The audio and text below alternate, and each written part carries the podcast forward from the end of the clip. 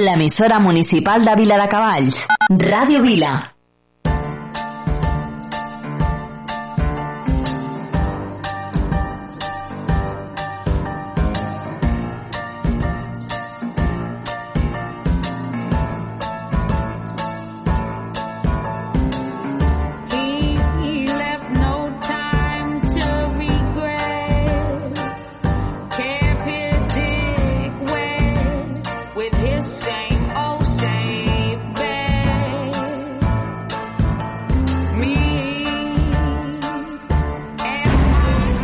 Veu de Vila. Tota l'actualitat a l'emissora municipal de Vila de Cavalls. Amb Marçal Llimona.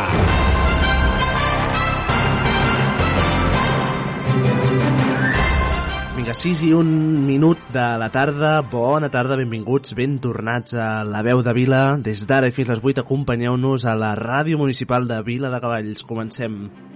El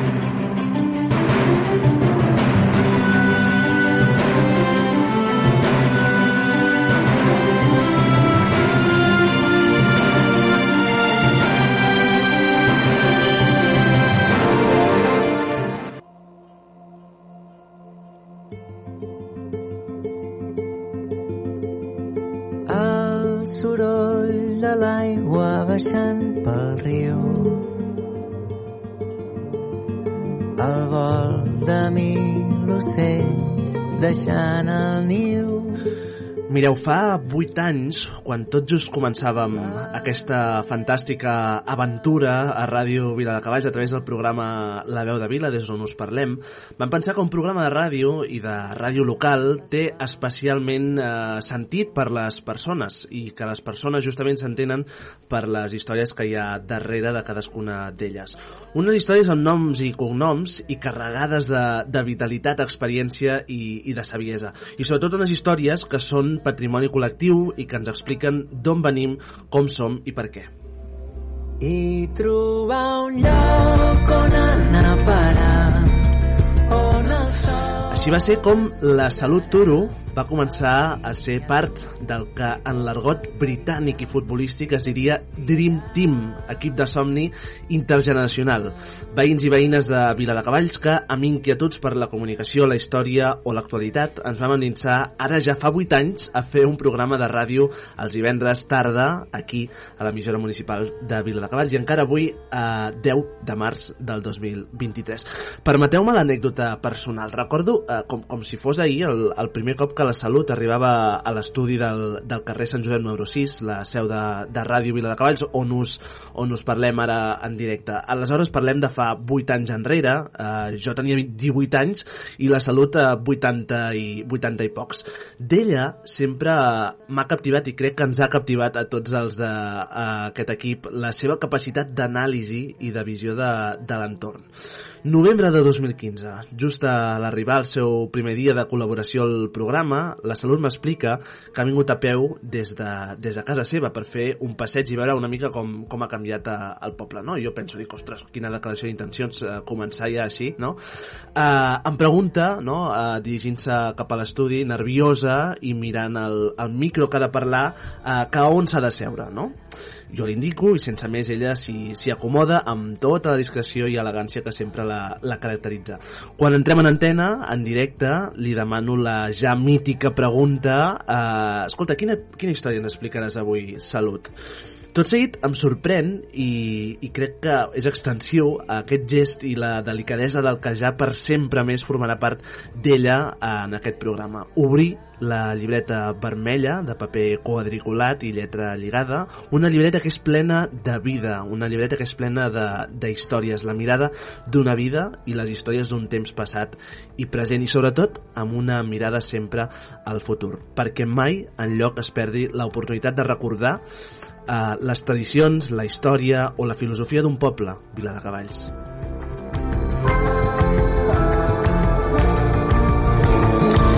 Tot plegat queda recollit en un extraordinari recull d'històries de Viladecavalls que tot just presentàvem di, dimecres, eh, dimarts, eh, passa, dilluns, dilluns passat, que tenen el seu origen que tenen el seu origen a partir de les tardes de, de divendres aquí a, a Ràdio Vila de Cavalls i el seu nom recordant, eh, recordant relats a mesos a Ràdio Vila 90.8 i que està disponible a la biblioteca eh, si ho demaneu, per tant doncs convidar-vos a també a fer aquesta lectura eh, un programa que ha acabat esdevenint una família i una família, la Salut Turo, que ens la sentim nostra per, per sempre més. Per tant, agraïment, reconeixement infinit a qui és la protagonista, Salut Turo, que si ens estàs escoltant, una abraçada immensa, per la teva extraordinària generositat, per la tasca divulgativa i col·laboració de cada tarda de divendres que ens has acompanyat, que ens acompanyes encara ara, als teus 91 anys, i sobretot per deixar-nos, per deixar-me aprendre tant de tu i al teu costat, per aquesta capacitat de transcendir amb cadascuna de les històries que narres. Avui va per tu, gràcies, salut i per molts anys més. Són les 6 i 6, benvinguts a la veu de Vila.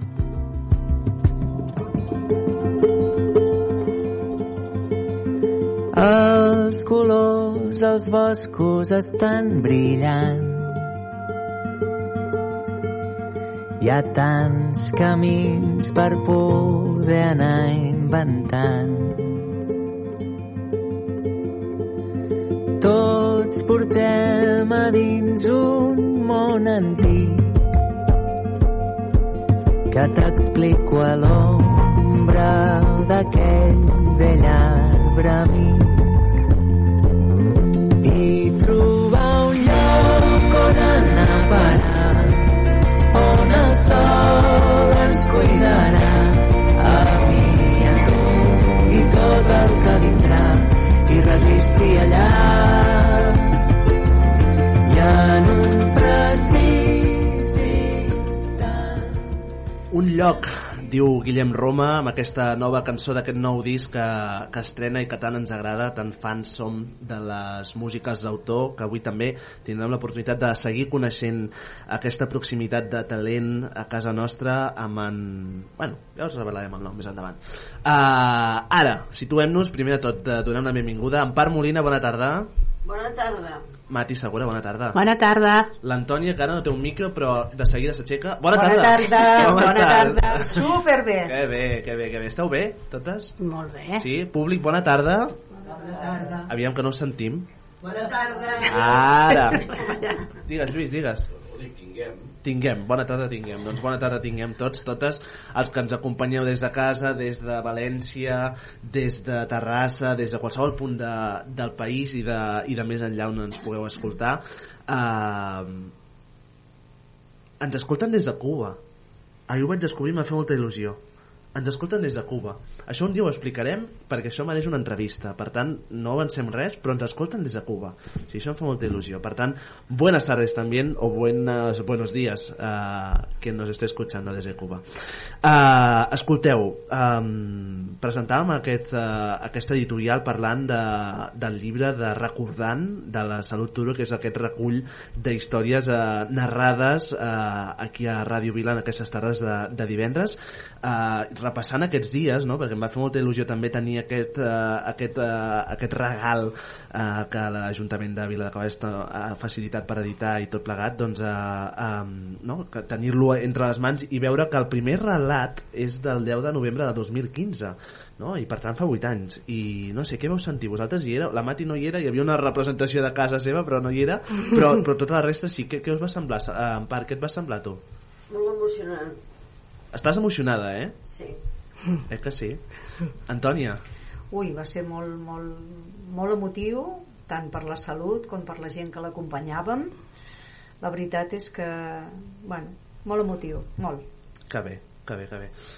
Escolta, uh, 6 i 9, uh, la veu de Vila, escoltem també, uh, i saludem també a, a la, als coneguts uh, habituals, al Joaquim, als avis, que com sempre ens segueixen incondicional des de casa, i permeteu-me, eh, però jo sempre ho haig de fer i és un, és un, és un, és un condicionant per començar. Escolteu, va, uh, del 13 al 19 de març, Sabadell uh, acull una nova edició del Festival de Cinema de Terror, ojo, eh, uh, que enguany celebra la seva, la seva onzena edició.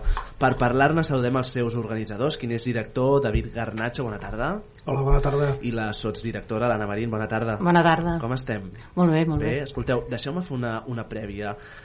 Terrassa o Sabadell capital? Qui, qui, qui ho guanya aquí? Sabadell. Sabadell? A nosaltres això no ens ho pots preguntar. No, jo pregunto, Sabadell. jo pregunto sempre, pel que pugui passar. Uh, escolteu, havíeu estat mai a Viladecavalls? Em sembla que, Sí, eh, sí. Anna, tu tens família, eh? Sí, jo, el meu avi matern era d'aquí i tenia família i vaig estiuar fins fa 10 o 12 anys. Que bo, que bo. I Sí, què, sí. què recordes de Viladecavalls, dels estiuets aquests que dius? Doncs, de fet, és el que li explicava ell, he anat, hem arribat abans casa meva i Que casa bo, del meu avi i tal, i el que feia era, es- mm, el que més recordo és quan jo tinc un problema, aquella nit somio que estic aquí. Somio Ah, sí? que estic a A Viladecavalls. Em Viladecavalls? passa sempre, eh? Quan, en èpoques de molt estrès, això sempre somio que estic a, a la casa a d'intensilitat, Viladecavalls, a casa de l'Eulàlia, on sigui, però que estic a Viladecavalls. Eulàlia de... No, la seva cosina. Ah, ostres! També carai, Eulàlia. carai, carai, que bo. Mira, tot queda a casa al Sí, final, sí, eh? sí, sí. La conec molt, diu. I tant. Molt bé. Veus? Serveixi la ràdio per fer aquests retrobaments. Uh, escolteu, uh, dèiem, eh, del 13 al 19 de març Sabadell acull aquesta onzena edició del Festival de, de Cine de, de Terror. Uh, el gènere de terror té bona acollida? És a dir, té, té un públic molt, molt fidel? Com, com, ho, com ho valorem, això, David? Sí, la, la veritat és que bueno, el, els festivals de, de terror, sobretot aquí a Catalunya, tenen un, una gran acceptació eh, i ja, el públic que ve sempre és molt fidel. Sempre, any a any, hi ha un grupet que sempre ens, ens estan dient aviam quan ho fem, què fem, quine, quines propostes farem aquell any per, per interessar-se per venir i no solen fallar aquests. Mhm. I si fallen és perquè alguna cosa eh, els hi ha passat, però aquests sempre venen Sempre hi són. i, i això eh, bueno, fa que el cinema de terror arrossegui eh, a, a bastanta gent Uh -huh. Escolteu, repassem una mica aquesta programació que comença dilluns, dilluns 13, aquest dilluns eh, vinent. Eh, Expliqueu-nos una mica què, què és el més destacat de- d'aquesta onzena edició. Bé, el, més, destacat eh, podríem dir que és que aquest, aquest any ho centrem tot en un sol escenari Com? en un, ho, ho centrem tot el festival en un sol escenari Un sol escenari. Sí, Uh doncs, eh, estarem, estarem tota la setmana, de, bueno, tota la setmana, de dilluns a dissabte estarem al cinema, al Cinemes Imperial i el, el diumenge estarem en, el, en el que és la Fundació Caixa Sabadell. Uh -huh. Llavors, eh, el més destacat és això, que la gent està sap que tota la setmana estarà en un sol lloc. No cal desplaçar-se, eh, bueno, sí, hi ha un parell de cosetes, però vull dir que no... Baixar unes escales. No cal, No eh? eh, no cal que, que facin grans desplaçaments com altres anys eh, ens havíem trobat que un, any, un dia ho fèiem un lloc l'endemà en un altre lloc i esclar, eh, la gent al final doncs, potser alguns es despistaven una miqueta Uh -huh. aquest any ho hem centrat tot en allà I Ah. això és la, la novetat principal podríem dir que és això i llavors com a novetats destacables doncs que aquest any fem una masterclass de cinema que no havíem fet eh, cap Ah. any fins ara i també la gravació d'un podcast que tampoc havíem fet fins, fins aquest any Molt bé. la resta segueix la, els paràmetres la, que teníem la, la sí. fidelització d'aquests anys. Sí. Uh, quin és l'objectiu? Uh, com explicaríeu a uh, qui no coneix aquest festival? Uh, quin és l'objectiu de, de l'organització? No? Quina és la raó de ser? Doncs fer que la gent s'ho passi bé i, i això, buscar doncs, cada any sempre fem enquestes a la gent que ha vingut, a Ahà. veure què els agrada quin Satisfacció, cinema, de- què podríem millorar de l'any que ve i al final és això, fer les coses que sabem que a la gent agradarà i, i que sortiran d'allà contents perquè al final és de, ho fem per amor a l'art i quan sortim allà el més divertit de tot, el més maco és veure la gent que se'n va i et diu m'ho he passat molt bé, continueu així l'any que ve tornarem a venir i al final dius, bueno, doncs ho estem fent bé perquè si, si la gent ens diu això sí, sí, sí. Anem, a fer una petita consulta a la nostra psicòloga de capçalera del programa, la Mati. Uh, Mati, el, el, el tema del terror a les persones, què, què és el que provoca? És a dir, quan pensem en terror i, Clar, i, i en cinema, és no? que el, el cinema de terror en concret ara, no, potser no tots ho compartim no, aquesta emoció però ostres, tu saps el que és passar por amb la seguretat de que no passarà res o sigui, clar I aquesta seguretat, eh? sí, sí, la- exacte. però tu saps, o sigui, que aquesta por no és per tu, Clar, no? clar, clar, això, clar. això és genial, no? Clar. Uh, i, a veure, I moltes persones noten aquest alliberament, no? Això és com dir, uh, perquè anem a veure un melodrama i ens posem a plorar, Total. no? La, la, la, sep- la separació entre no m'està passant a mi, eh, això, i, Total. i clar, uh, per a algunes persones aquesta sensació els, els hi agrada molt, no? com algunes ens pot agradar, jo que sé, pujar al samba, eh, pues, eh, a mi m'agrada molt, però hi haurà persones Clar, que diran, jo però- aquí no m'hi pujo, Clar, no? Però quan parlem de terror, a vegades sempre pensem no, en, en que segurament si jo ara dic, escolta, si penses en terror i cadascú tindrà una pel·lícula de terror que hagi vist al llarg de la seva vida Sí. I, i segur que tothom té el record aquell de a l'arribar a casa, després d'anar Sí. al cine veure una pel·lícula de terror, anar amb, al passadís, anar Sí, resseguint sí, les parets sí, sí, sí. fins a trobar el llum per encendre'l, no? Allò de... Ai, ai, ai, ai, ai. Sí, no, en el meu cas és, per exemple, la pel·lícula de psicòtics, no? Vull Clar. dir, et poses a la dutxa i una dutxa que tingui... I de cop, que... Sempre tens, no?, aquesta... Ah, no? Vull dir, Aquesta paranoia, no? aquesta... Com t'ho treus? Hi ha alguna Eh, recepta així? No, no te la treus. No treus? Dutxar, vull dir, convi... Viu sense convé... necessitat de... No. I no n'he vist cap, o sigui, no he vist cap persona que estigui ni traumatitzada ni res, eh, per veure una pel·lícula de terror, ah. evidentment, quan hem sigut petits, doncs, eh, tots tenim el record, doncs, per Clar. exemple, els de la meva ge- generació tenim el record de la cabina, no? Uh Mhm. -huh. eh, de, va ser un curt que va ser un boom en aquell moment, de López Vázquez es quedava tancat, i bueno, i, i clar, i, i potser sí, no?, que quan érem petits vam estar un temps que no ens atrevíem a entrar Clar. a una cabina, Clar, clar, clar, Eh, però vaja no m'he trobat cap cas que estigui traumatitzat per veure una pel·lícula de terror vull dir que tranquils Eh. Escolteu. David i, i Anna, um, em dieu que, que això darrere d'aquí, qui, qui, qui fa possible tot això, aquest festival que tiri endavant i es presenti aquesta onzena edició? Bueno, qui ho fa possible doncs, som nosaltres, estem a, a, amb un equip a, a darrere i, i bueno, som, el, el, el grupet aquest som els que ho tirem tot voluntari, eh? Tots voluntaris, tots voluntaris. Aquí... És a dir, apassionats del cinema, que us agrada, doncs, eh, el cinema de terror, entenc? Sí, bueno, eh, sí. Sí, eh, Compartiu. No, no, clar, clar, clar. de, de moment, eh, o sigui, actualment to, tots els que estem a l'organització ens agrada el cinema de terror. Vale, vale, hi ha hagut eh, etapes en què hi havia gent que no li agradava. Que no li agradava. Que no? Dius, què fas aquí? Clar, clar, clar. Dius, bueno, potser no és el teu lloc, no? De dir... Però bueno, això cadascú, ja, si hi ha gent que dius no, no m'agrada el cinema de terror, però m'agrada el cinema i vull estar Clar, aquí. Bueno, clar, clar, doncs clar. Vinga, benvingut. Uh, clar, quan parlem de cinema de terror, uh, digueu-me una pel·lícula, allò... Que, que, en què penseu quan parlo de cinema de terror? Bueno, n'hi ha, ha una que, que Una, una. una que precisament Clàssic. eh, projectarem aquest any que és Sí. l'exorcista Sí? Oi, sí.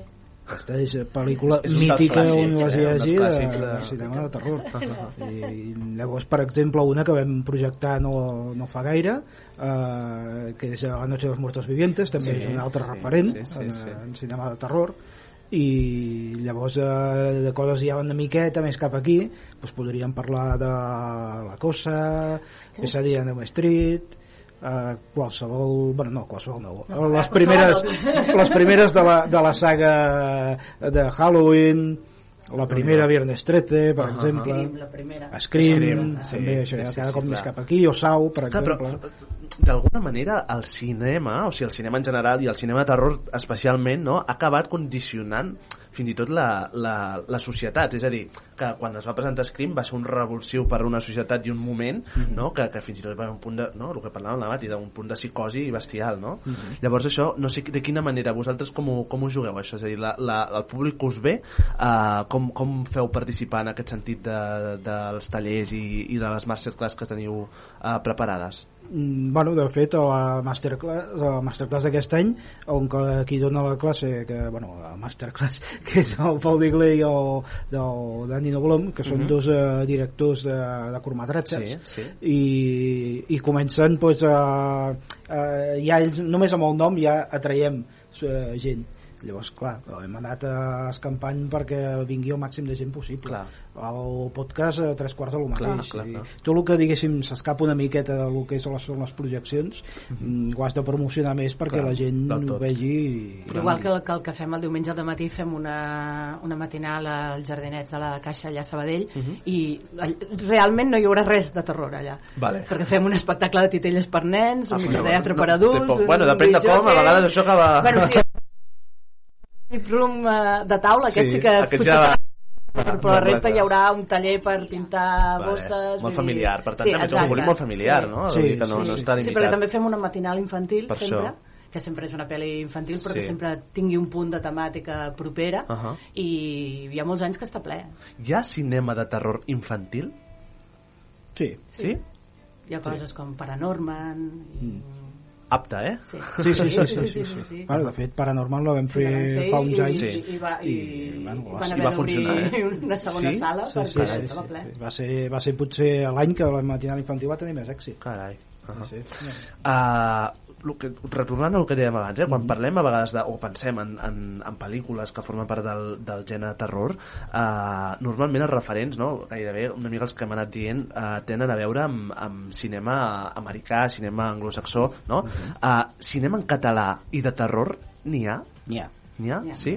I De per tant, vosaltres també busqueu aquest punt de promoció de la llengua, no? I, Mhm. eh, Sempre què- què procurem fer una Sí. pel·lícula en català. Mhm. Molt- Alguna vegada ha hagut de ser alguna pel·lícula doblada al català, però intentem buscar pel·lícules de- d'aquí. De, fet, aquest any en fem una que no és tant de terror com ser de gènere fantàstic, Mhm. però que un dels dos directors ja el vam tenir una altra vegada una pel·li que es diu Sant Martí, Mhm. i que bàsicament va dir, el que tothom pensa. allò de- I no és de Vila de Cavalls, eh? Sant Martí. No és a Vila de Cavalls. No, no, no. Aquí patró és Sant Martí.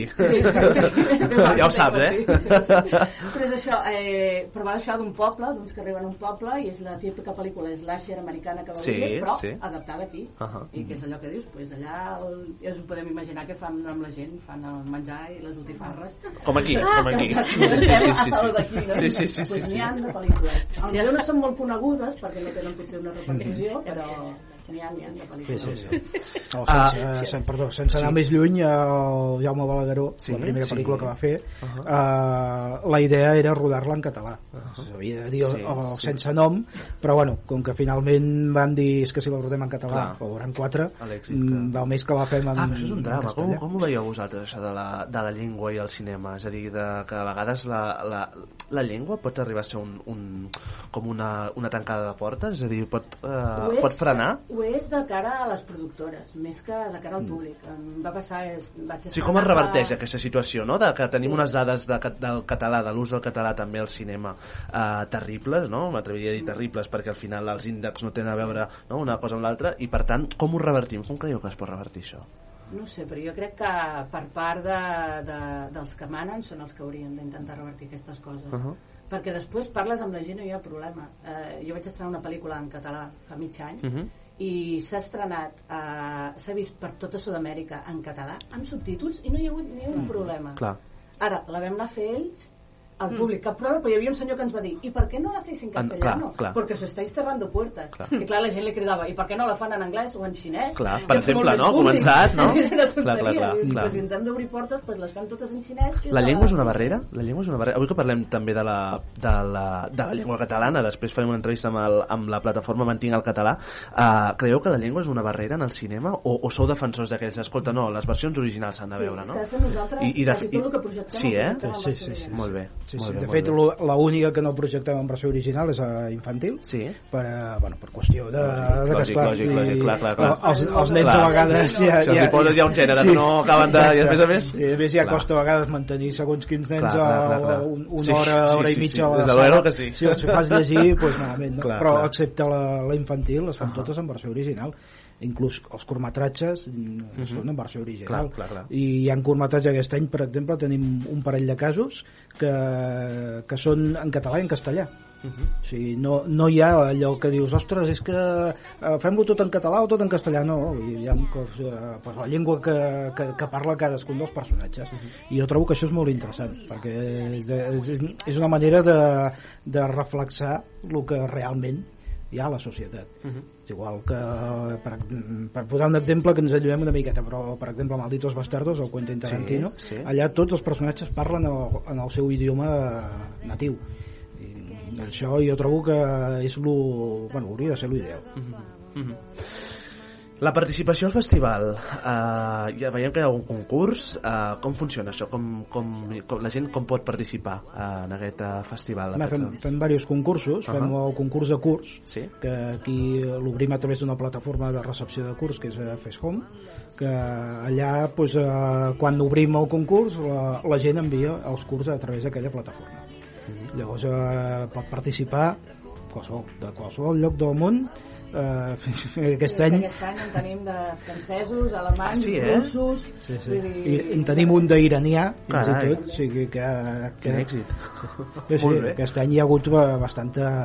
I la difusió com la porteu? Perquè clar, això com, la gent com se'n pot entrar a banda de Ràdio Vila de Cavalls, que això- aquí sempre, però que...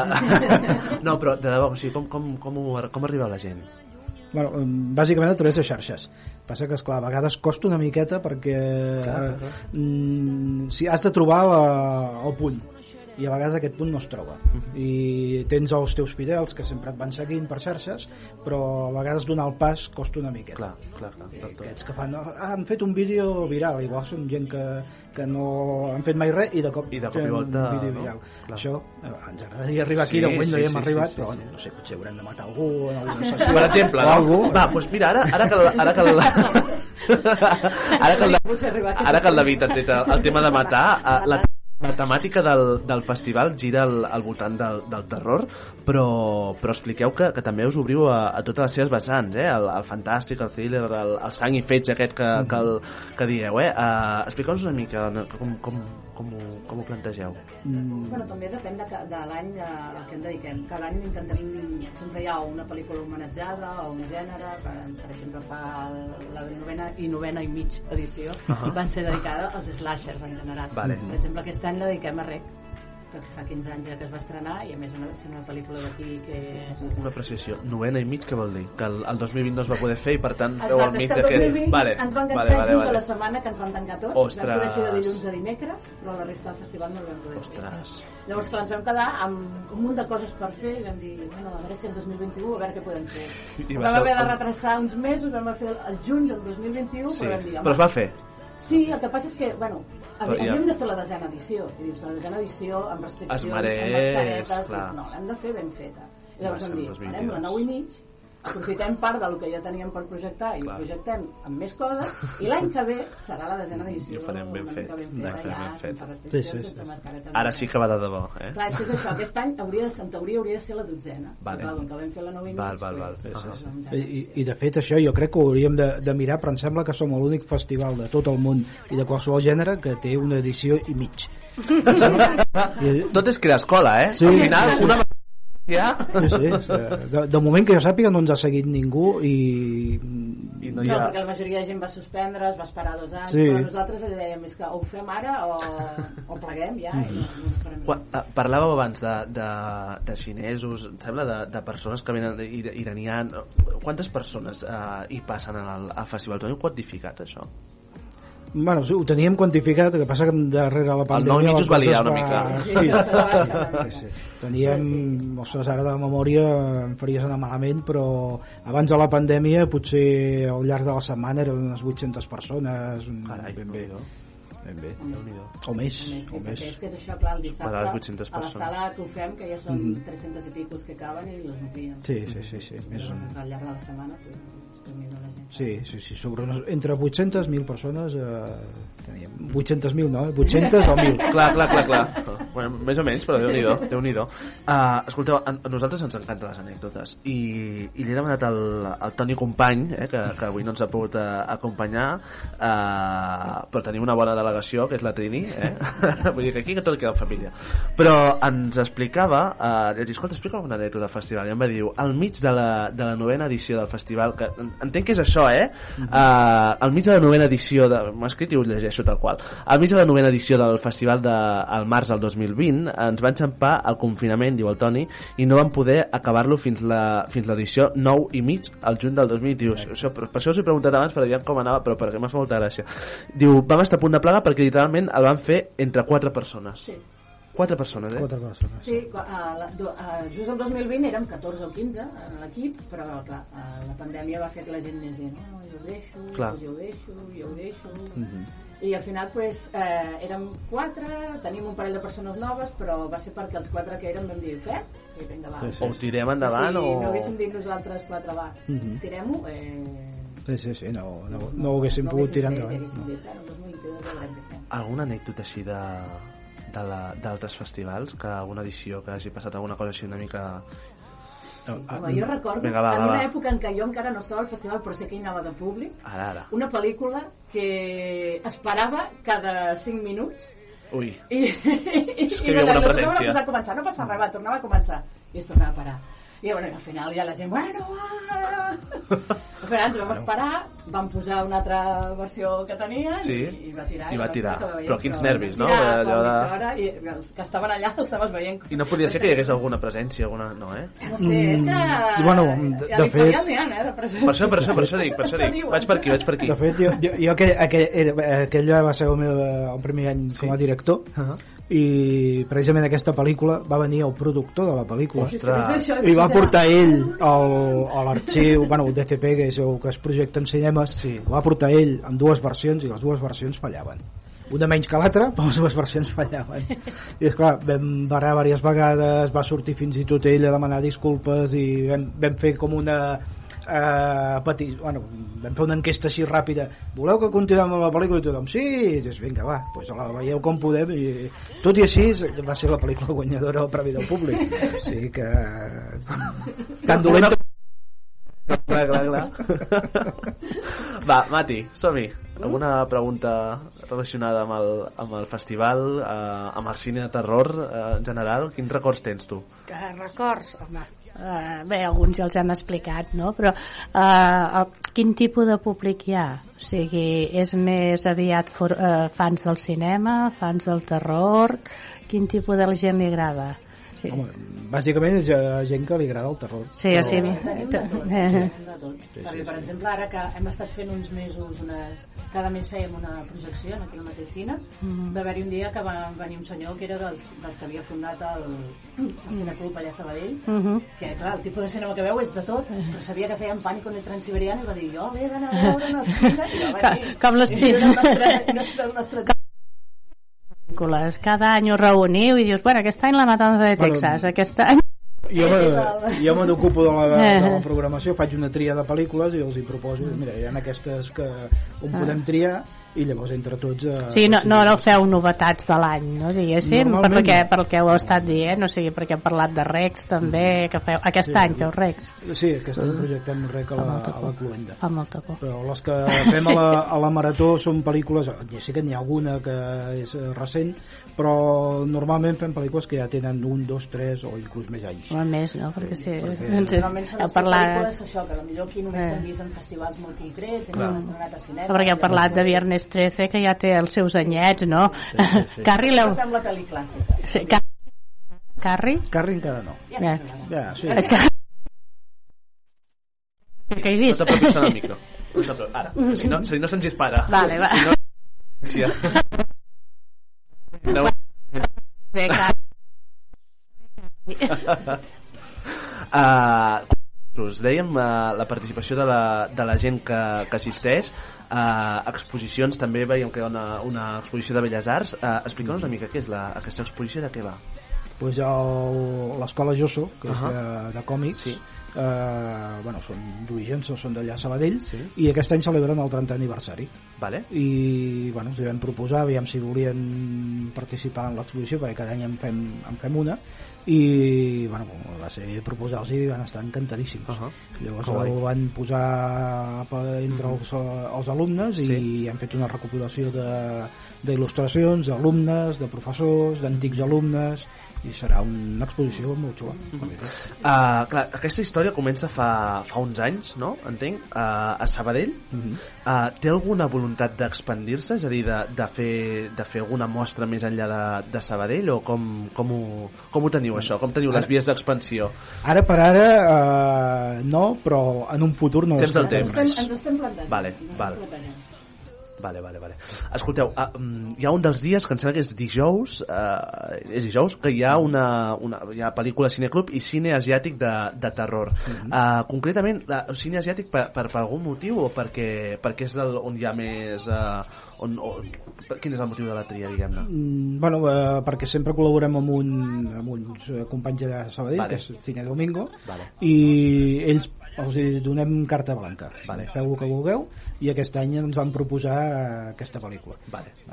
Normalment els de Cine Domingo fan pel·lícules així més aviat de sèries, etc. Aquestes bastant cotrilles, però, però aquest any han dit no, no, anem a fer una de fan fotats, és a dir, de com, com rec, d'aquestes que dius està gravant Clar, en clar. càmera i això, i va sortir l'oportunitat de fer aquesta, que de fet som eh, no s'ha estrenat en cinemes, som el segon festival que la, que la fa en tota Espanya, primer va ser Molins de Rei, després serem nosaltres i la setmana següent el Sombra de Múrcia.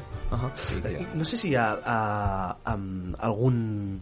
Anna i, i David, no sé si hi ha algun, algun indret del món que hi hagi un cinema de terror més de qualitat que un altre, és a dir, hi ha alguna marca pròpia d'algun país que, digui, que digueu, ostres, doncs allà segur que ens hem de fixar o, o de fugiu segur del, de la, del, del de terror dels Estats Units perquè és massa, no? massa que es veu massa que, no? que està molt, molt produït o, no? No sé si alguna...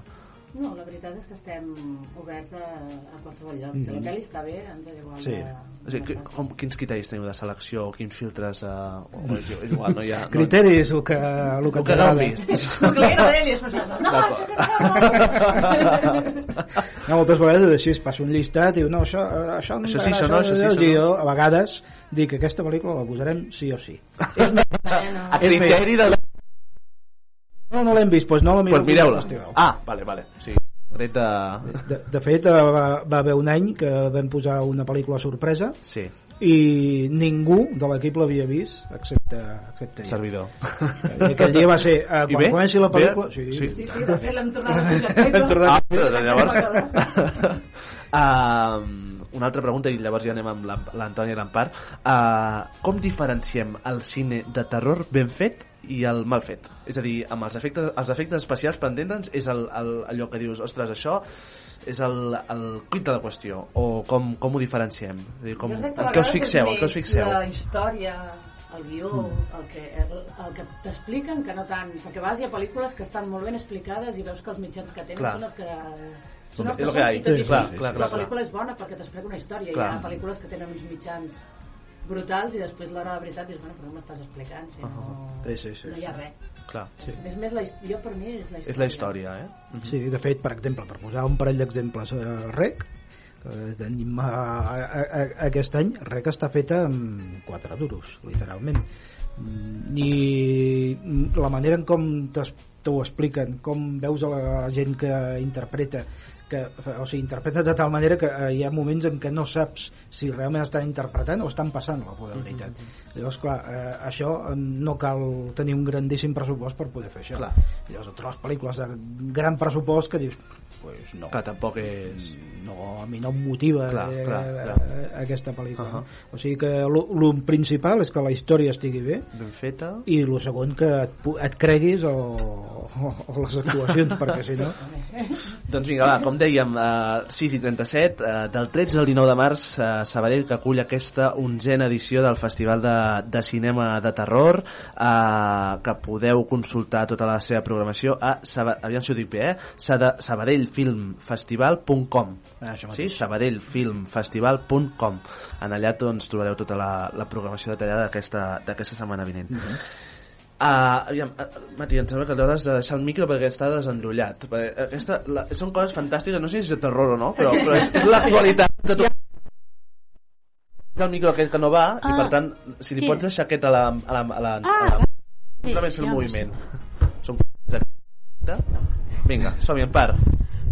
Jo parteixo de la base que a mi el cine de terror mm, no m'agrada perquè em crea després unes imatges que em venen i bueno, Ets de les que va pel passadís a, a, a resseguint fins a trobar el llum, em eh? van venint les imatges i, i em- ho passo malament i per anar-ho a passar malament no, no. I, el, no. i el cine m'agrada moltíssim ara considero que tenen molt mèrit els intèrpretes perquè jo penso que no és el mateix mm, interpretar algo que, de la vida mm, quotidiana i real que més o menys a interpretar aquests papers tan horrorosos eh? Sí, no és el mateix, no és el mateix. A mi que m'ha tocat en el, aquest any en l'anunci del festival fer de monstre, surt al final, sí, no, no, no, no és el mateix que quan té molt mèrit, té molt mèrit, però eh, entenc que hi hagi persones que els agradi aquesta classe de cine. A mi no m'ha agradat mai i he sigut un amant del, del cine tota la meva vida. Però aquesta, aquest, aquest, aquests temes no, només que la tele eh, el, el, el milenio el, el, quarto, el quarto milenio segons quines imatges surten allà una cosa. eh? Que vegades... són imatges que llavors em va, se'n van repetint se'n van repetint dec, dec tenir algun problema eh, una cosa, el terror de quan nosaltres érem petits, ara el mires i fa... Depèn de quines, eh, Anton? abans Clar, a nosaltres ens feia un terror horrible Sí. ara les tornes a mirar i dius, ostres, jo tenia tanta por d'això Clar, mira Ja la con Hitchcock, Eh, com Psicosis, com no, no, jo la ladrona... de, del principi quan feien Eh. les pel·lícules aquelles que sortien el, el Dràcula de... també de la perspectiva ara nostra. Home, a mi el resplendor, la veritat és que... Mira. I... Sí, Trobeu que hi ha diferència del terror d'abans al d'ara? Bueno, sobretot és eh, on hi ha més diferència, on es veu més diferència és eh, en el parlen de, de personatges eh, doncs Dràcula, Frankenstein tot això, sí, amb aquest sí que eh, hi ha una diferència més, més grossa però per exemple el que dèiem eh, tant eh, Psicosis, que és l'any 60 com eh, l'exorcista que és l'any 73, que ara fa 50 anys O com, per exemple, a mi una que em fa molt pànic i és de l'any 52 és de la invasió de los ultracuerpos. Mhm. A mi pensar que apareixen unes veïnes gegants i em comencen a canviar la gent i la gent comença amb això i és, i és antiquíssima i jo la veig i cada que la veig Però, clar, però el cine de terror, no sé si esteu d'acord, però sempre ha generat com la idea de... eh, O sigui, jo trobo molt revolucionari perquè quan va començar i es va expandir, i quan va arribar aquí especialment amb un temps, no?, que també ara anirem amb el públic i també ens explicaran, eh?, però que, que d'alguna manera eh, va ser com un revulsiu, no?, per, per una societat que estava acostumada només als nodos, a les, a les informacions eh, orquestades, no?, I, i per tant va ser com un trencament de la societat també important, no?, el cinema de terror, no sé si esteu d'acord, eh?, però... Sí, no, sí, i a més a més eh, el cinema de terror ha aprofitat per fer Clar, per clar, clar. treure temes a la palestra de que, com, Clar. com aquesta que tractava de, del, de la manera de pensar tots de la mateixa manera Clar, tal. clar, clar, clar. o per exemple Dels la dogmes. dia, La noche de los muertos vivientes la Clar. primera pel·lícula amb un protagonista negre Clar, clar, clar, clar, clar. revolucionari del tot, clar, clar. l'acaben matant només perquè va un negre Mm -hmm. Sí, sí, sí, sí, sí. No, no, clar, és que el, el, la, les pel·lícules, eh, aviam, no, no perquè siguin més antigues han de ser pitjors, i eh, les bones, diguéssim, per dir una manera, les que realment no han envellit són les que tractaven algun desquillada, alguna temàtica social. Bueno, i, i alguns, els que dèieu del Dràcula i el Frankenstein, el jovencito Frankenstein, i de, déu nhi Eh, I no ha perdut aquesta. no, eh? Vinga, va, 6 i, 6 i 42 de la tarda. Escolta, Trini, tu veus molt cine de terror? L'has vist a la teva vida? O, o, on, Sí, on... vist, per exemple, el, el, el Carri el vaig veure... I què, i què? L'última veure, escena... O sigui, allò era, era una pel·lícula de terror, però era una, una pel·lícula de maltracte, de bullying, De tot, eh? de tot. Sí. Ara, clar, el tram final, el moment que s'acaba i surt uah, aquella mà, allò, et fa fer un salt mira, Allò, una setmaneta dormint al sofà te la fa, eh? Sí.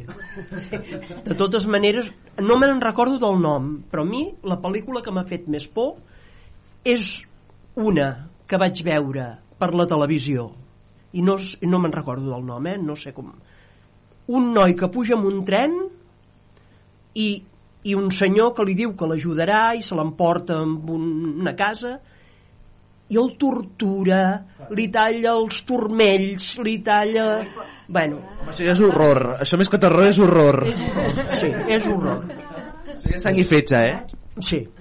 Però clar, jo no m'ho pensava. No, clar, clar.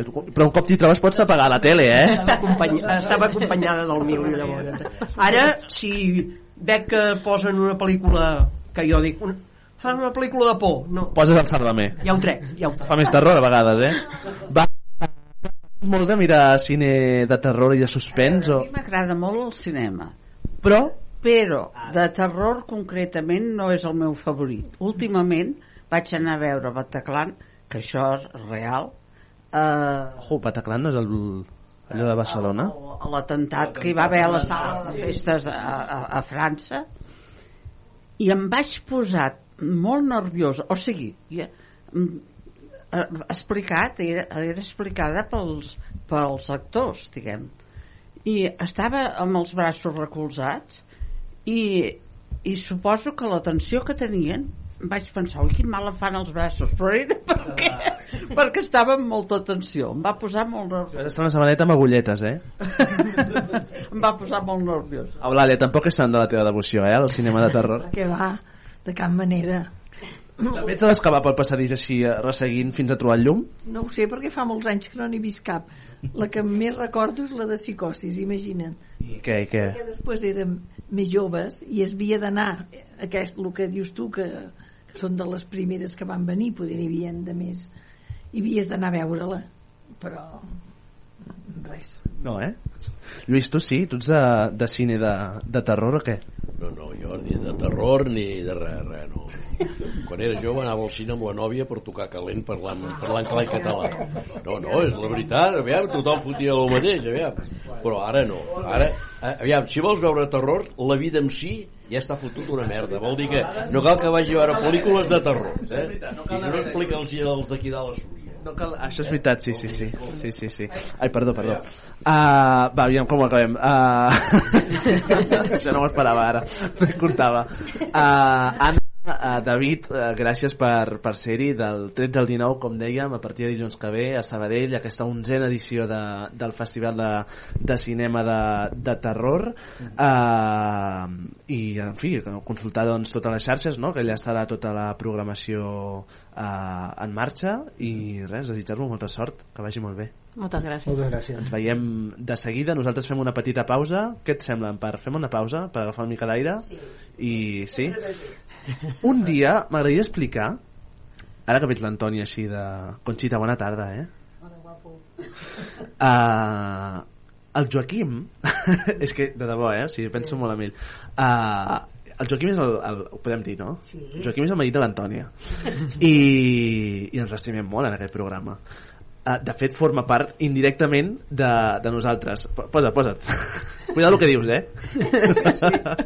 uh, I, i, i ho trobo, o sigui, ho trobo fascinant. O sigui, el Joaquim, cada tarda de divendres, Uh, el Joaquim és una persona que com l'Antoni és imparable, no para mai, uh, tot el dia volta, amunt i avall a casa, no? i fa moltes coses. Uh, però sempre uh, ens explica que, que porta una, una ràdio o, o el mòbil a la butxaca amb Ràdio Vila uh, de fons uh, i que ens escolta. Allà on va ens va escoltant i després m'envia sempre, o sigui, jo cada, cada divendres, si no ho fa, a vegades em preocupo, dic, Joaquim, estàs bé? Perquè cada, cada divendres a les 8, quan acabem el programa, sempre tinc un àudio o una, un escrit del Joaquim dient, escolta, fantàstic el programa d'avui, el dia que no em digui fantàstic, dic, escolta, pleguem perquè, perquè alguna cosa estarem fent malament. Però em sembla, em sembla fantàstic, fascinant. Què, Antònia, què has a dir? Home, jo haig de dir que, mira, un dia, tant que parleu ara de coses de pel·lícules de por i de terror i tot això, ell és molt aficionat, Sí. sobretot a les coses aquestes paranormals Sí, i aquestes sí. històries. Explica unes històries, però no et pensis que són mentides les històries, són verídiques. Sí, sí. No són fake news, diguem. No, no, no, de coses que han passat a la seva família, a la casa... Doncs escolta, I dius, ostres! aprofitant, aprofitant aquesta, aquesta primer, per una banda la onzena edició de, del Festival de Cinema de Terror de Sabadell, aprofitant aquest context, però sobretot aprofitant que també doncs, eh, no hem tingut mai l'oportunitat, avui 10 de març el Joaquim Castro queda convidat en aquest programa un dia per parlar i per tant eh, aquell, dia, aquell no dia que vingui, aquell dia que vingui, eh, Antònia? Eh? Que vingui, eh? Sí, i tant. Vale, vale, per tant, queda dit. Va, uh, 10 minuts uh, i poc més de 10 minuts uh, per, les, per les 7 de la tarda. Uh, fem una pausa i tornem aquí, de seguida. Fins ara.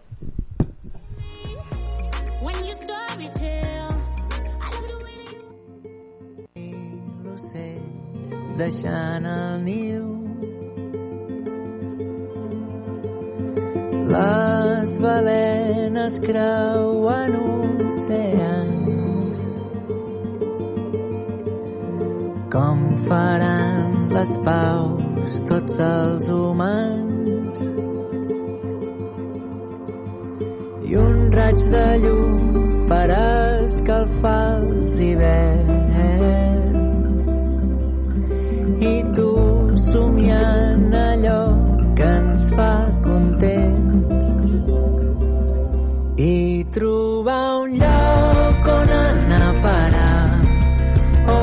sol ens cuidarà a mi i a tu i tot el que vindrà i resistir allà.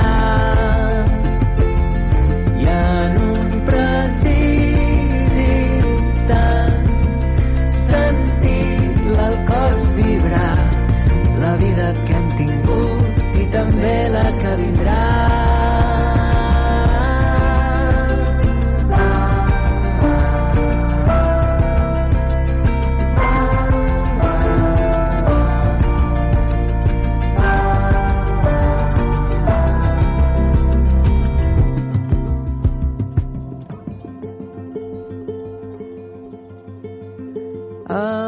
colors als boscos estan brillant. Hi ha tants camins per poder anar inventant. Tots portem a dins un món antic que t'explico a l'ombra d'aquell vell arbre amic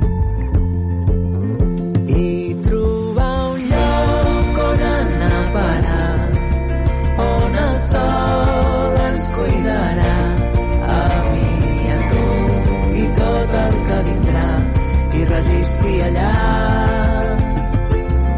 I en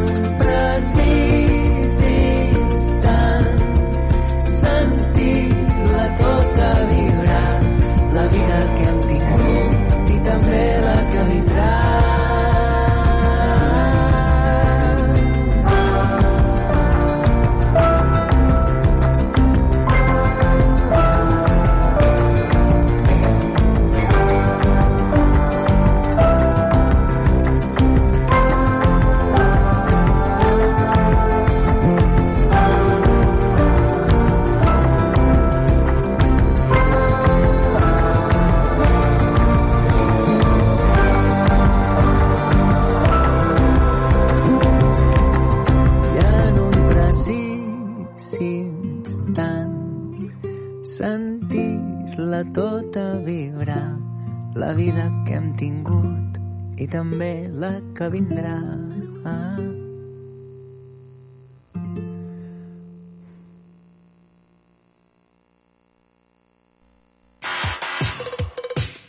Desde el primer día trabajamos con un objetivo. Ofrecerte un gran servicio a un gran precio. Fieles al compromiso de que si la tarifa mejora, lo hace primero a nuestros clientes. Y no nos detenemos. Ahora, a la mayor red de fibra le sumamos la tecnología 5G. Solo O2 hace las cosas como O2. O2, respira.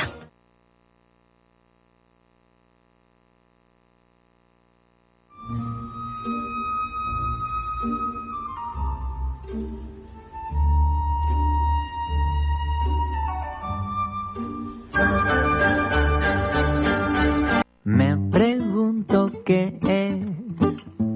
lo que quiero y me doy cuenta que ya lo tengo. Dejo de mirar lo que tienen que del comparar. Me liberen y así poder decidir cómo sentir que bien se está cuando se está bien sin querer más. Los amigos bailando y el cielo estrellado. Así es como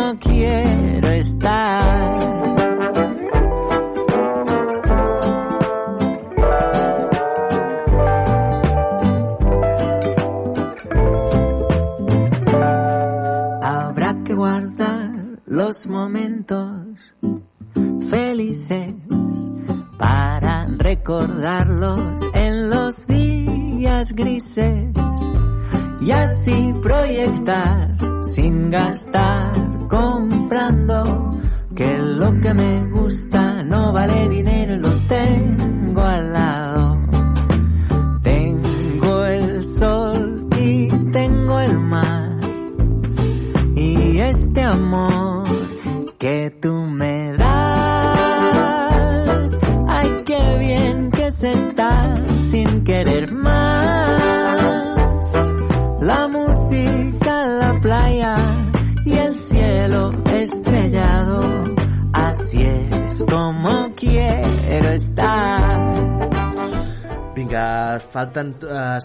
Minuts per les 7 de la tarda. Continuem aquí en directe a la veu de Vila, a Ràdio Vila de Cavalls. Uh, Empar i Conxita, bona tarda. Hola, bona tarda. Benvinguda, ben tornada, ben trobada. Moltes A gràcies. casa teva. uh, escolta, va, Conxita, comencem per tu. Apa, vinga. Som-hi. Del 0 al 5, uh, quan parles habitualment el català en els teus espais diaris?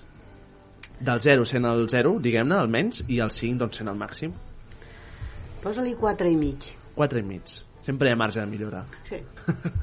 Jo no, no poso mai ni un 9, ai, ni un 10, sempre em quedo amb una miqueta de marge. Clar, m'agrada començar per tu justament Sí, i, i t'agraeixo també que, que ens, ens Ja he acompanyis. vingut, he vingut per això, eh? Ah, sí? Sí, tant. Has de mi libro. Sí, sí, sí, sí, sí. Uh, la Conxita, per si no la, la coneixeu, que si no la coneixeu doncs teniu molt mala sort perquè, perquè, perquè s'ha de conèixer, diguem-ne. Uh, no, però el, la Conxita és de, de Granada, d'origen, Sí. i, uh, i per tant, doncs, uh, la pregunta és, la llengua és una barrera? Per mi no. Per mi no. A veure, mm, una barrera. Jo en el moment que vaig arribar aquí a Terrassa, vaig arribar a Terrassa, eh, Fa? va, uh, uh, l'any 53. Val. Jo vaig pensar, mm, jo haig d'estar inclosa en tot aquest en tot aquest món. Eh, els meus pares van tenir la gran idea de venir aquí a Catalunya, de portar-nos a, a buscar-nos la vida i a treballar per, per, per poder sortir endavant. Perquè el poble, em sembla que de vegades ho he comentat, Marçal, el, a la plaça del meu poble, A Granada, eh? sí, és un poblet molt petit, Uh -huh. eh, menjaven el, les famílies que el senyorito que venia a caballo decidia aquell dia. Uh -huh. I això és molt dur. Eh, nosaltres quan vam venir aquí, el meu pare ja havia vingut feia uns mesos i ens, estàvem tots empadronats perquè en aquell moment si t'enganxaven et tornaven cap a casa tal qual eh, jo mm, jo anava a comprar i sempre escoltava com la gent demanava les coses i el que li donaven i a, a mi no m'ha ensenyat ningú a parlar català Ha sigut tu, eh? sí Uh -huh. i a mi digue'm si se'm nota que sóc de Granà Per això últim, eh? Eh? La coletilla és aquesta última cosa sí. que sí. Escolta'm, uh, dius, per tu no és una barrera No, a l'idioma. no. I la gent que diu que sí, què els hi diries? doncs que és el seu problema i que, tenen, i que tenen un problema vull dir, tu saps que fa encara no un mes que van venir les meves cosines Mm -hmm. i a nosaltres quan van arribar aquí feia molt temps que no venien i la primera... Les teves cosines que parlem, eh? Les meves que, cosines. que viuen a Granada, per que això. viuen a Granada, sí, a Granada capital. Doncs la primera, inclús t'ho van explicar tu. Mm. Què van dir? Que va, havien, quedat, no, havien quedat sorpreses, havien quedat parades, perquè, és clar tot el que diuen, tot el que expliquen, tot el que es diu o es comenta és un bulo. I jo, senzillament, me la vaig mirar i vaig dir, ho has dit tu, és un bulo. Per, a- atribuint aquesta, atribuint tot el tema a, la, de mitjans a de les males comunicació que a formes vegades- a que aquí si no parlaves català no t'escoltaven que era obligat que els nens no els obligaven a parlar només català a l'escola això és una mentida com la copa de i per tant això 14 es, pinos i com es combat això? com creus que es combat? doncs eh, primer, aviam, jo havia anat a, alguna vegada que he anat a com es combat vull dir que com es reverteix aquesta situació eh? Aviam, mm, mm, jo em sembla que eh, cadascú parla de la manera... Aviam, a mi si se'm dirigeix una persona en castellà i, i, i, i, i crec que no m'està entenent, jo no tinc cap problema en parlar-li en, en, en, en castellà perquè m'entengui, perquè una manera de comunicar-nos és, és, és, és atendre a les persones i escoltar-les. I si no t'entenen en català doncs no hi ha cap problema amb, amb, amb que els hi puguis explicar en castellà. Per entendre senzillament. Jo quan he anat a Madrid me'n recordo que una de les vegades que hi vam anar eh, un amic de la meva germana ens diu aquesta nit si sortim a fer el d'això sobretot no parleu català. I jo me'l vaig quedar mirant i li vaig dir mm, parlaré. Com? Allà on sigui de la manera que a mi em dongui la real gana. He dit sobretot si parlo amb tu i no m'entens et parlaré en castellà però si parlo amb les meves companyes amb les meves amigues o tal qual doncs parlaré català o com em vingui de gust Per tant, eh, aquest testimoni, eh, Conxita, gràcies eh, per, la, per la història, perquè realment ens serveix per, per introduir aquesta, aquesta, aquesta conversa eh, que, parlarem, que parlarem ara. Mantinc el català. Eh, és el, el nom que acull un grup de, de persones provinent, provinents de, de diversos llocs del, del territori de parla catalana que s'han organitzat davant la, la preocupació de, de l'estat eh, per l'estat actual de la, de la llengua, de la llengua catalana. De fet, un estudi apunta que el català té un ús social de només el 32% dels territoris de, de parla catalana, un estudi de l'any 2000 2018. Uh, per parlar-ne ho fem amb, amb dos dels seus uh, membres, dos dels seus integrants, l'Enric eh, Pineda i en Víctor. Bona tarda a tots dos. Hola, bona tarda. A l'uníson, eh? Molt bé.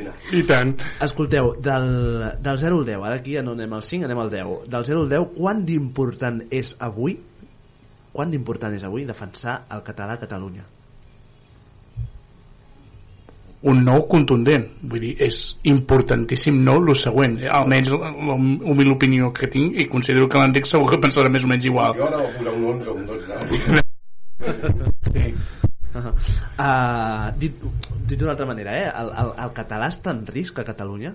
Sí. Sí, Enric? Sí, si no hi posem remei. Sí, sí, no hi posem remei. És a dir, el, el que tu apuntaves en el, que l'estudi és força clar, és a dir, estem en una època molt curiosa a Catalunya, en la que la llengua té una gran importància a nivell institucional, a nivell legal, a nivell oficial, diguem-ne, no hi ha cap mena de problema eh, perquè ens puguem dirigir a la Generalitat o a diversos eh, en- entitats i ens en la nostra llengua, però mm, diguem-ne de forma contradictòria el seu ús social al carrer és cada cop més baix Exacte. És així, és així. I un clar exemple és el que els estudis que van gestir Plataforma per la Llengua amb els patis al, a les escoles, que inclús van ser titllats, denunciats de, uh, de que estaven imposant la llengua catalana a, a l'alumnat, cosa que no és pas certa i està demostrat en estudis que el castellà és la llengua predominant en l'alumnat de les escoles, que és un fred 100% preocupant i denigrant. O sigui que hem de posar solució. Uh, Digueu-me una mesura per mantenir el, el català. Allò... doncs una miqueta, mira, recollint el que deia ella ella m'ha dit molt clar, diu, diu jo si, diu, si veig que l'altra persona no m'entén llavors potser sí que li parlo en castellà però de bones, de primeres d'entrada? d'entrada, la primera frase, el primer hola, el primer com està en català. Si veiem que eh, sembla que li costa una miqueta però ens pot arribar a entendre continuem en català. Mhm. perquè donem el missatge de que el català és d'ús social, que el català serveix i que per tant cal aprendre'l, cal estimar-lo, abraçar-lo i fer-lo servir en la mesura que sigui possible. Però si veiem que llavors ja, ja arribem a un punt en què veiem que realment l'altra persona no ens està entenent per vés a saber quina raó, llavors potser sí que podem ja canviar a una altra llengua que creiem que els dos puguem entendre. No sé si compartireu una reflexió eh, que és que l'independentisme com a moviment, sí, com a moviment social, eh, als últims anys potser eh, s'ha acabat apropiant de la llengua i per tant eh, sent un element exclusiu només d'un moviment i d'un entorn eh, proper és a dir, que d'alguna manera s'ha apropiat d'una lluita que és la llengua i no s'ha tingut en compte altres persones que potser no són independentistes però que són igual de catalans i per tant poden tenir el mateix sentiment per la llengua catalana no? que qualsevol persona que és independentista s'ha potser mantingut aquest, aquesta posició? Com, com ho veieu vosaltres? Jo penso que no. És a dir, l'independentisme, entre d'altres, eh, s'ha Mm. apoderat de la llengua catalana i, per tant, una persona que no ho és s'ha pogut sentir en algun moment, no? Uh, per ser una mica autocrítics, també, eh? Uh, s'ha pogut sentir en algun moment doncs, eh, exclòs d'aquest sentiment, no?, de, de, de lluita a favor de la llengua catalana i la seva preservació. Com, com ho veieu? Jo penso que no, i us posaré un exemple amb el síndic de, la- dels drets lingüístics, a Molins de Rei, eh, estant a la parada informativa, ens vam trobar a una persona que ens deia jo no sóc independentista, però independentista i defenso la llengua i el que esteu fent és una feina excel·lent. Llavors, clar, quan diem no, és associat a l'independentisme, no és verídic. I, i hi ha entitats, que és el que dic les que defensen la llengua, que, no, que tenen associats que precisament no són independentistes però estan a favor de la llengua i no volen que es dissolgui el català ni desaparegui i treballen diàriament per defensar-lo. Vull dir que jo també penso que no és un moviment que vagi cap a l'independentisme tot el contrari, és, ha de ser 100% transversal. I a mantenir el català s'està demostrant que molta gent no és independentista i que també està col·laborant per no perdre-la i ens trobem sobretot amb els col·lectius de la immigració i companys i companyes del País Valencià que també hi van. no, no, no, no plantejava tant si, hi ha, uh, si podria ser o què hauria de ser, sinó què ha passat. És a dir, perquè hi hagi aquest sentiment fins i tot d'animadversió contra uh, un moviment que és del tot legítim, l'independentisme, no? un moviment polític i, i social, uh, però que uh, en una lluita que és, ha de ser, crec jo, eh, un consens, que és la llengua, que és la llengua catalana, uh, que en algun moment doncs, uh, persones que no formen part, no? com aquest que dius, uh, Víctor, eh, Sí. un, una persona de Molins de Rei que, que és catalanista, no independentista i que en algun Sí. moment es pot sentir fins i tot, eh, no és aquest el cas però que segur que heu sentit algun cas en algun moment de Sí. persones, i, i deixo de banda partits, eh, dic persones eh, que, que individualment ostres, eh, és que el català només és independent, no? si ets, ets català és independent, com, hi, ha, hi ha autocrítica per aquesta via o, o zero? Jo crec que autocrítica podríem arribar a fer si no fos perquè per mi hi ha un fet mm, curiós uh -huh. i que no passava fins fa 10-15 anys fa, vull dir aquí la, la, la, hi haurà gent que se'n recordarà de com eren per exemple les eleccions de, jo que sé, posem l'any 1983 no? tu agafes aquell any i tu mires que dins de l'art parlamentari hi havia tota una sèrie d'opcions polítiques algunes d'elles eh, diguem que tenen una certa continuïtat ara mateix al Parlament però hi havia el consens de la llengua. És a dir, tu podies veure els diputats del partit del, del PSUC i els diputats d'Aliança Popular però tots parlaven en català des de fa 15 anys han aparegut com eh, opcions polítiques que per guanyar redit de vots el que han jugat és la carta de l'exclusió idiomàtica. És a dir, parlem el tema del lingüisme. el tema de, per exemple, Ciutadans. Ciutadans, la seva gran carta a l'hora de presentar-se a les eleccions és hem de defensar el nostre dret a poder expressar-nos i parlar en castellà cosa que mai ha sigut un problema.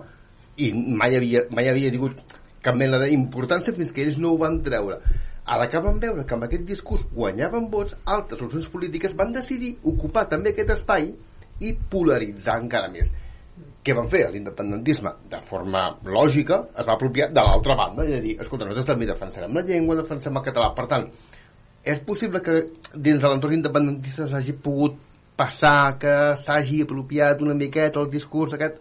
Podria ser. Val. Però, com a reacció del que ha passat en l'altra banda. Clar.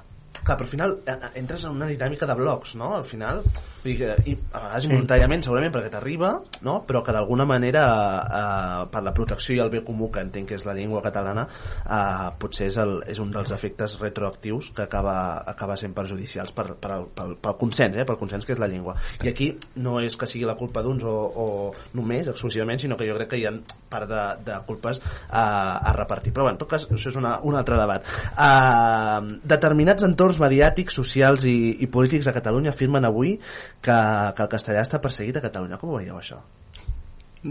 Perdó, jo, jo penso que és totalment contrari. Jo la llengua castellana no la considero una llengua perseguida, tot el contrari, està més venerada i més protegida que la pròpia llengua de la nació catalana, que és el català. O o el balear de les Illes Balears és a dir, la llengua catalana està en emergència lingüística, la llengua castellana està superprotegida i venerada i, bueno, és el que dic no estan, no. no estan perill no, gens ni mica uh -huh. i la convivència entre una i l'altra? tampoc tampoc, poden conviure perfectament perfectament, mm. i jo ho dic clarament i, i em poso a mi mateix d'exemple la meva família amb, amb la meva família jo faig servir el castellà perquè la meva família igual que la companya ha dit que té, és d'origen granadina, doncs la meva família materna és d'aquest origen, precisament, i jo els hi parlo en castellà, i no tinc cap problema en, en, ni m'avergonyeixo de parlar-me'n. I fora de casa, doncs, per descomptat el català, però és el que et dic, no estan en perill, i ni molt menys, vull dir, se'ls faltaria. Si som una terra acollidora, ho sento, és que ho veig així. I, um, a veure, només cal mirar una miqueta enrere la història, vull dir, la presència del castellà a Catalunya té, pues, a mi, més de 300-400 anys d'història, en cap moment s'havia plantejat que això fos un problema eh, fins que com hem dit abans, és que s'ha creat aquesta mena de polaritat. Mm -hmm. Jo crec que sí, òbviament poden conviure les dues llengües en tant que fins i tot són llengües prou similars com perquè hi hagi una certa intercomprensió. Clar, mm, clar, clar certa intercomprensió, vull dir, pot haver-hi això també va a persones Clar, però, però fixeu-vos que el, el que als anys 60 va néixer no, al voltant de la zona metropolitana Santa Coloma, Badalona, no, l'Hospitalet eh, com a la immersió lingüística sí. i per tant un procés natural d'incloure i d'introduir el català a la vida de moltes persones que van arribar de terres com Extremadura, com, com Andalusia com, com en molts altres punts de, de l'estat espanyol eh, si als anys 60 vam ser dic ben perquè al final estic parlant de la societat catalana com a societat catalana vam ser capaços de generar aquest consens perquè allò 40 anys després 50, 60 anys després eh, això avui eh, s'ha carregat és a dir, només ho explicaries per exemple Enric, tu que abans apuntaves a segons quins entorns polítics, a moviments com ciutadans no? deies, apuntaves a, en aquest sentit eh, o la judicialització fins i tot del, del tema lingüístic no? que això també en podem parlar més endavant per el, el tema del 25% i quotes i tot um, no? però que en tot cas fins a quin punt això eh, ha canviat tant com perquè fa 60 anys fóssim capaços de generar un consens enmig d'una foscor que veníem del franquisme, no? d'una època doncs, doncs molt fosca i per la llengua doncs, fracàs, eh, i que 60 anys després no siguin capaços i que després repassarem, però que, que ens deixi dades com de que dos de cada deu eh, joves barcelonins eh, facin servir habitualment el català com a llengua principals. Dos de cada deu, eh? Mm. És a dir, què, què ha canviat en 60 anys que, que, que això ara de cop i volta ja no... no jo tinc una opinió personal, i és una cosa més aviat de cap a la sociologia, sí. que si pensem als anys 60, uh -huh. per exemple, quan tu vas venir al 53, quan vas venir a Catalunya... Jo cantava el que era el sol de col·legi, té? Exacte, exacte. Vull dir, però el tema és que fora de l'escola és a dir, a l'escola tot era en castellà, òbviament, perquè tot s'havia fer en castellà, però, però després tu tries el que vols parlar amb els teus companys i amb els teus amics. I sobretot amb el teu entorn. Anaves a les botigues, anaves sí, llocs, i sí, tothom sí, sí. parlava en català, perquè és que fins a cert punt, en aquell, en aquell moment, a Terrassa podia passar, i a Vilacabes segurament sí. passava, i a Altres també passava, sí. que la gent gran, amb prou feines, la gent de l'any 53, amb prou feines sabia parlar en castellà. Vull dir, a casa seva parlaven en, en català, pocs havien estat escolaritzats, per tant, pocs sabien el castellà i si el sabien era com un castellà així com de batalla per sortir del pas i poca cosa més. A la meva mare no li, no li fessis parlar en, en, en català. Vull dir, l'entenia tot, però no parlava absolutament gens. Exacte. Gens. gens. I deia, esto no lo voy a aprender yo en mi vida. Exacte. doncs passava el mateix amb la gent gran sí, catalana amb el tema amb el castellà. castellà. Què passa? Que des de, des de llavors fins ara ara tenim tota una generació alguns els de la meva, els de la meva edat no? dels 40 i els 50 que tots hem estat escolaritzats en català i en castellà que llavors hem vist que de cop i volta el nombre de persones que parlen en castellà augmenta i molts de nosaltres, i aquí en donem el mea culpa, què hem fet? Hem canviat el castellà. I parla sempre en castellà, efectivament. Quan hem vist que alguns parlaven castellà, què hem fet llavors? Passar al castellà. ca- Canvi. Automàticament. Automàticament, perquè ens han dit És un que- tema generacional. Sí, jo crec que sí. És un tema generacional i estem no. parlant de la generació de, de, de, la, la meva, potser una que anterior, fins ara. I una altra de les coses que ens trobem és el món educació, que diuen, ai, és que clar, si a mi em parlen en castellà, jo per educació ja parlo en castellà. Doncs no, hem, hem, hem de treballar ara, doncs, man, a mantenir el català, que, jo, que és el que ha dit l'Enric abans, és que és veritat, en el comerç, en la família, qualsevol, la primera trobada en català, que els costa, bueno, doncs ja, ja passarem al castellà, però primer intentem això. Una pregunta. Sí, Sí, el, el, um, Catalunya, terra d'acollida, eh, als anys 60 especialment, és quan hi ha el boom de la, de la immigració d'altres indrets de l'es- de l'estat espanyol. Eh, segur que cadascú de vosaltres té alguna històrica casa i família doncs, que, que prové de, de, de moltes regions de, de l'estat espanyol i per tant visca la diversitat i la pluralitat en aquest sentit. Eh, clar, jo em trobo allò per l'entorn i, i tot que, que a vegades eh, eh, sense parlar algú de, o de la família o coneguts no? que et diuen eh, ostres, eh, jo porto aquí a, a Terrassa no? vinc de Sevilla eh, porto a Terrassa doncs, eh, des de fa 40-50 anys i entenc el català efectivament però eh, la llengua que em sento còmode perquè l'entenc més bé i és la meva materna és el castellà i vull parlar en castellà no? eh, aquesta persona què li dieu? és a dir, no? perquè, perquè al final també hi ha d'haver un punt de, de convivència entre llengües no? i per tant, escolta, el respecte total cap a la llengua catalana i per tant, res a dir però a l'hora de parlar i comunicar-me jo parlaré en castellà perquè doncs em sento més còmode així, no? Perquè també hi ha un tema, fins i tot eh, personal, de dir, escolta, és que per, per seguretat meva prefereixo expressar-me en castellà, com jo, per exemple, ho faig en català sempre, però que, que també hi ha aquesta realitat, no? I per tant, doncs, eh, no és el mateix, ho sabeu perfectament, Víctor i, i Enric, que, que no és el mateix la realitat de Ripoll que la realitat de, de Tortosa, que la de Santa Coloma de Gramenet, no? I per tant, sí. amb la pluralitat del país, no? I del territori, de la parla catalana, i la realitat de València ja ni us l'explico, perquè ja també entenc que la, I, la coneixeu. i, i, I tot això no és maco? Jo trobo que sí, però, però com, com ho veieu vosaltres, allò de... eh, algú que, que us adreci i que us digui, perquè a vegades, i si em permeteu fer un punt d'auto... Jo, jo és que sempre intentaré portar una mica la, la, la, la veu cantant, eh? però uh, uh, uh, crec que també estem fallant en algun... Uh, uh, com a militant de ple dret uh, de la llengua catalana, sí? Uh, també crec que uh, hem de revisar què és el que hem fet malament, sí? perquè com tot sempre s'han fet moltes coses bones, no? Els anys 60, la immersió lingüística, però també s'han fet coses dolentes, o coses que ens hem equivocat, més que dolentes ens hem equivocat.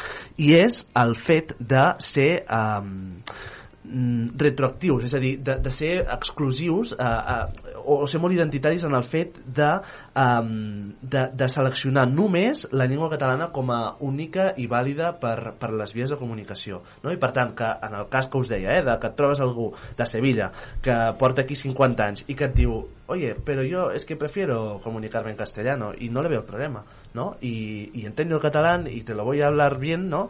I per tant sóc poc sospitós jo de no conèixer el castellà perquè m'acabeu de sentir eh, parlant-lo, però, però en tot cas no, podem trobar aquesta realitat i potser en algun moment nosaltres, com a moviment de defensa per la llengua, no? que no dic que una persona provinent de Sevilla no també ser un ple defensor de la llengua i dels consensos que porta, no? I permeteu-me, perquè jo no volia fer aquest rotllo, eh? però, però, ostres, no sé, no, no hem pogut fallar també per aquí, en el sentit de que potser a vegades hem estat massa, allò, massa puristes, no? Si m'ho permeteu, de dir, uh, si no em parles en català, mm, res, no? Perquè, perquè No, Crec que aquí, crec que ja, ja, ja, crec que ho estàs veient. al revés. al revés, què vol dir? Que per educació... Aviam, Sí, sí, sí, sí, sí. Per educació, jo em, em dono la meva culpa perquè jo també ho, fa, ho he fet. Ara em resisteixo més, perquè m'estic donant compte que s'estan passant una mica persones que saben el català i parlen en castellà. Tu vas a la mútua, Però això és la riquesa tu vas al de- Corte Inglés, te tenen en castellà. Jo he anat, i el metge, amb un metge, amb, jo li parlo en català, jo d'entrada parlo en català. Mhm. Si em contesten en castellà, em passo el castellà. I amb aquell metge vaig tenir la- l'atenció també de, de fer-ho. I llavors jo vaig passar al castellà al cap d'una mica ell em parla en català dic, serà possible? Hi ha, hi ha una cosa... què està passant? A- Aquest dia, amb una infermera aquí a Can Tries, em parlava tot el rato en castellà, digo, i li vaig dir, per què no parles en català? Porque me expreso mejor en castellano. Però això no pot ser. A veure, sí que pot ser. Jo, jo crec que sí, perquè és que la diversitat d'una societat també s'explica per la Sí, convivència. Crec que hem de, hem de destriar el que és la lluita per la llengua, que això hi hem d'anar tots a una, i per tant castellà, català, anglès, francès i tothom, tothom que formi part d'una societat mateixa, i l'altre és el respecte que hi ha d'haver entre la, la convivència entre dues llengües i dues realitats, que també existeixen. Mira, I, i als anys 60 hi ha algú a Barcelona la gent d'Alto Copete, la gent d'Alta Alcúrnia parlava en castellà perquè era més fino. Sí, sí, sí, però, però jo crec que això és un altre debat. I tot això va, va, va anar desapareguent perquè el català es va anar imposant. Mhm. Però ara és al revés. S'està imposant. Tenim la desgràcia de que entenem l'altre idioma. Mhm. Si tu vas a França i no parles el francès ja pots plegar i vas a Anglaterra igualment Mhm. però aquí tenim la desgràcia que són bilingües llavors no es No, desgràcia respecta no, jo crec que però no. no, Si és positiu, és riquesa. Clar. Quantes... una riquesa però això ha fet que s'imposi la llengua que no és Clar, nostra Quan parlem de posicions jo crec que ja és un altre debat, perquè, perquè al final aquí és la protecció d'una llengua que està en risc i la, i la convivència de dues llengües, que al final han Exacte, d'estar en condicions d'igualtat en una terra que al final la, la riquesa Mira, és la llengua. Aquest catalana. és el punt que tu has dit. Aquí, aquí està punyet. I perdoneu, eh, Enric i Víctor... No, no, tranquil, que els- els- no passa res. sou vosaltres. No, no. És que has dit dues coses molt importants. La primera, estem parlant de que eh, però la situació d'aquesta persona de Sevilla que arriba a Catalunya i diu, mira, escolta, jo el català l'entenc, te'l podria arribar a parlar una miqueta, però jo m'expreso millor en castellà. A aquesta persona jo què li diria? Endavant.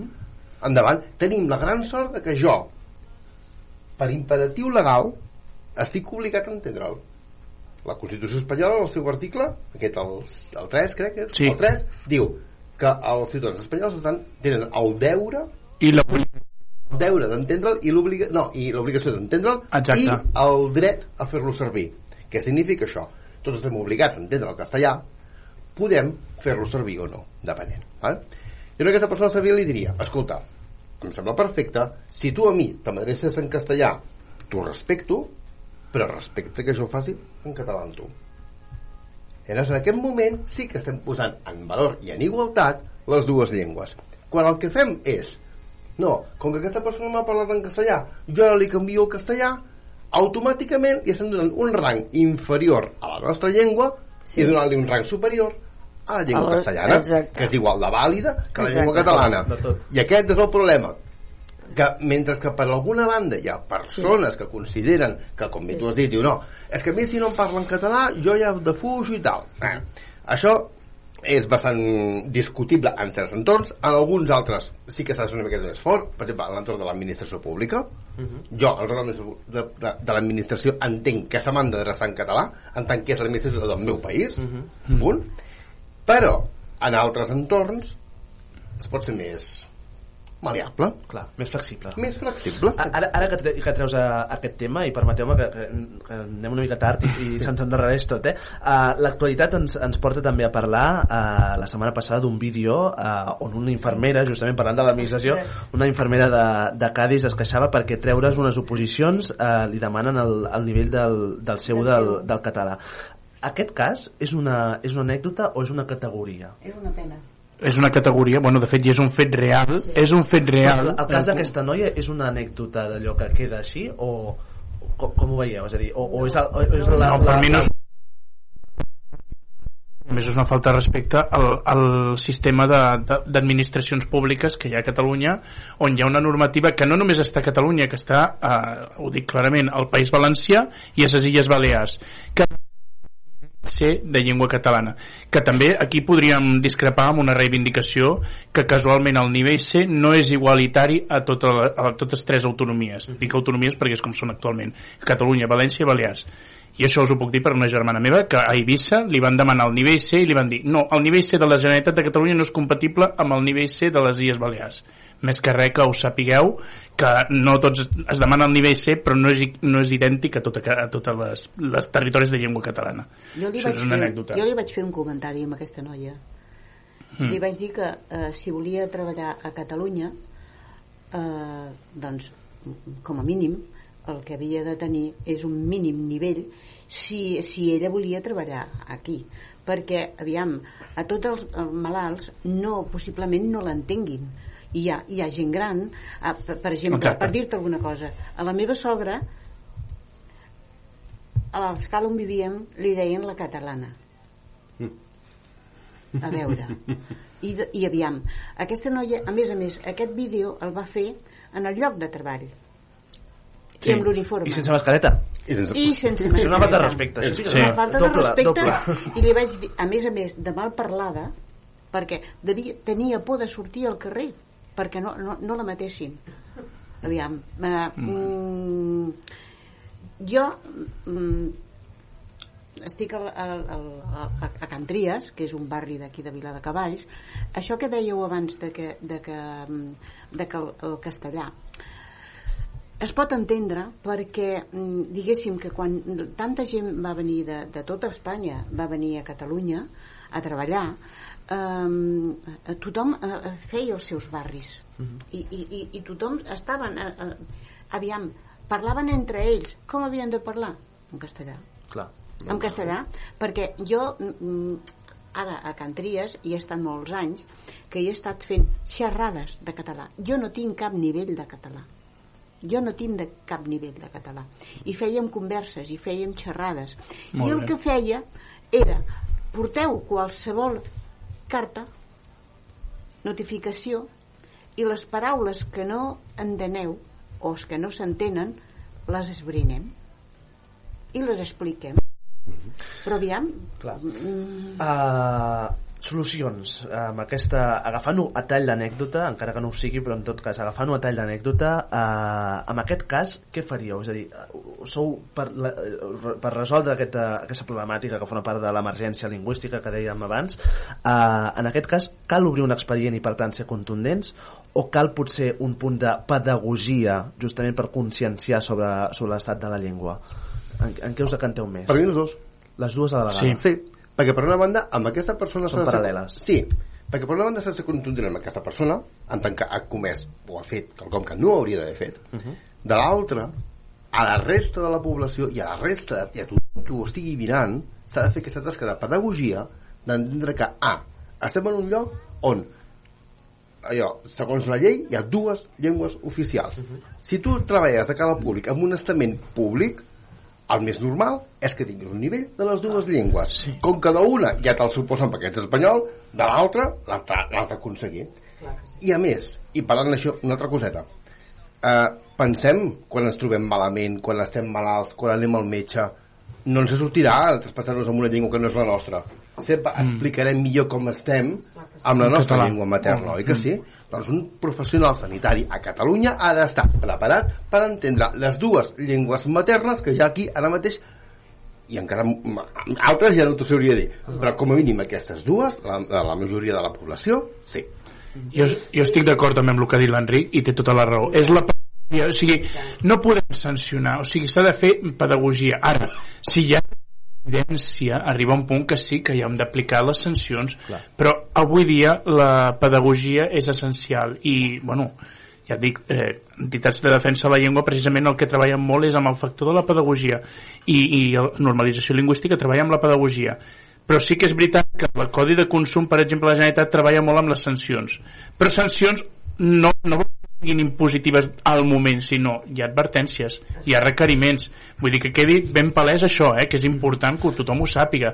Que aquí no hi ha imposicions de càstigs així directament en sancions, sinó que s'ha de treballar en pedagogia. Anem a, anem a per, un segon, per, anem a, falten 3 minuts per dos quarts. Uh, a escoltar un cas, uh, ara que parlem de dades i que normalment les dades que tenen a veure amb el català malauradament són negatives, uh, però anem a escoltar també històries en positiu. Uh, un cas que sortia avui a un mitjà, a un mitjà d'aquí de, de Catalunya que deia, uh, llegeixo el titular, les xarxes al·lucinen amb el nivell de català d'una jove autodidacta de Madrid. Sí? Uh, anem a escoltar eh, aquesta jove, madrilenya, jove, tenc que uns 20 i pocs anys, eh, i que diu això? Madrilenya, eh?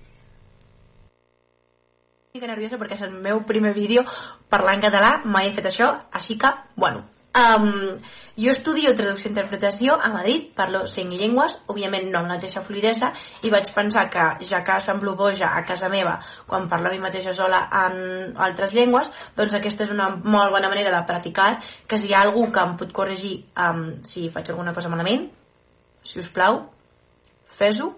I, eh, doncs, bueno, eh, això és per mi per mm, com guanyar més fluidesa en altres idiomes un altre dia haré un vídeo en alemà pot ser en francès però avui toca català i volia explicar una mica eh, la meva relació amb aquesta llengua i per què vaig començar a aprendre el català aleshores Clar, a, a aquest cas, la veritat és que jo no m'atreviria a corregir-la, que diu ella que corregiu-me si però és que, de debò, si, si escolteu el, el vídeo que dura poc més de- d'un minut i mig, eh, té un català impecable. Totalment d'acord. Uh, mm, I per tant, vol dir que hi ha esperança, eh? Companys? Sí. Eh, posem a Madrid hi ha una actriu molt famosa que va sortir als, al, a Los Serrano, la sèrie, que és la Natàlia Sánchez. Doncs aquesta noia també ha fet autopedagogia ella mateixa que diu, ostres, m'agradaria aprendre català i també està aprenent català, parla català i es poden trobar molts vídeos a xarxes socials on ella també a, anima a que la gent de, de fora d'altres autonomies que si us plau una segona llengua autonòmica, o sigui, és el que diem. Que, de fet, fins i tot hi ha un moment del vídeo, aquesta jove madrilenya assenyala que ella no ha tingut la sort, i ho diu com a sort, de, de néixer en, una, en un indret on es parlin eh, dues llengües, no? I per tant, eh, el que dèiem abans, el, el debat aquest que estàvem tenint sobre el tema del bilingüisme i el, el, la convivència entre les dues llengües, que, que em sembla una riquesa bestial tenir una, dues llengües o 8 o, o 15 en un mateix país com, com segur que si posem a, agafem una llista de d'IDESCAT eh,